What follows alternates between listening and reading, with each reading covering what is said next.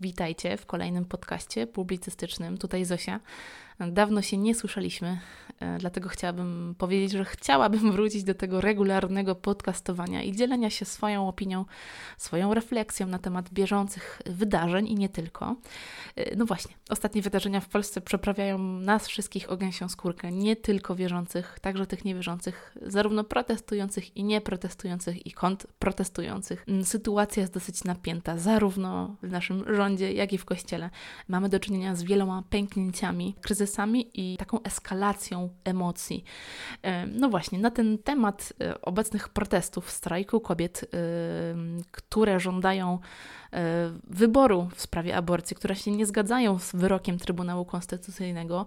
Na temat tych wydarzeń zostało już wiele powiedziane i nie chciałabym tego powielać. Zgadzam się z tym, co w najnowszym vlogu, niedawnym, tym najbardziej popularnym ostatnio, powiedział ojciec Adam Szustak e, z opinią, którą wyraża chociażby Piotrek Żyłka, naczelny Deonu, czy na przykład Monika Białkowska z Przewodnika Katolickiego, która prowadzi regularne live na Facebooku Przewodnika Katolickiego. Ostatni właśnie dotyczył tych trzech listów, które gdzieś tam się pojawiło: listu biskupów, e, listu świeckich, no i listu zwykłych księży, pod którym właściwie coraz więcej tych księży się podpisuje. No, sytuacja jest napięta, bo mam wrażenie, że w przyszłości, najbliższej przyszłości, dokona się jakiś przełom. To znaczy, przed nami jest przyszłość Kościoła, to znaczy to, jak on będzie wyglądał, jaką będzie miał on formę. I wiele osób, e, ja się z tym też zgadzam, mówi o tym, że obecny kryzys jest dobry dla Kościoła. To znaczy, to jest kolejna możliwość oczyszczenia Kościoła, kolejna opcja do tego, żeby, mm, żeby zmienił swoją formę, żeby, tak jak mówił zresztą ksiądz Ratzinger jeszcze e, w swoim bardzo sławnym przemówieniu o tym, że y, Kościół stanie się po prostu wspólnotą, małą wspólnotą ludzi, którzy świadomie tę wiarę wybierają, a nie są kulturowymi katolikami. E, zresztą więź też przypomniała niedawny tekst księdza Draguły, który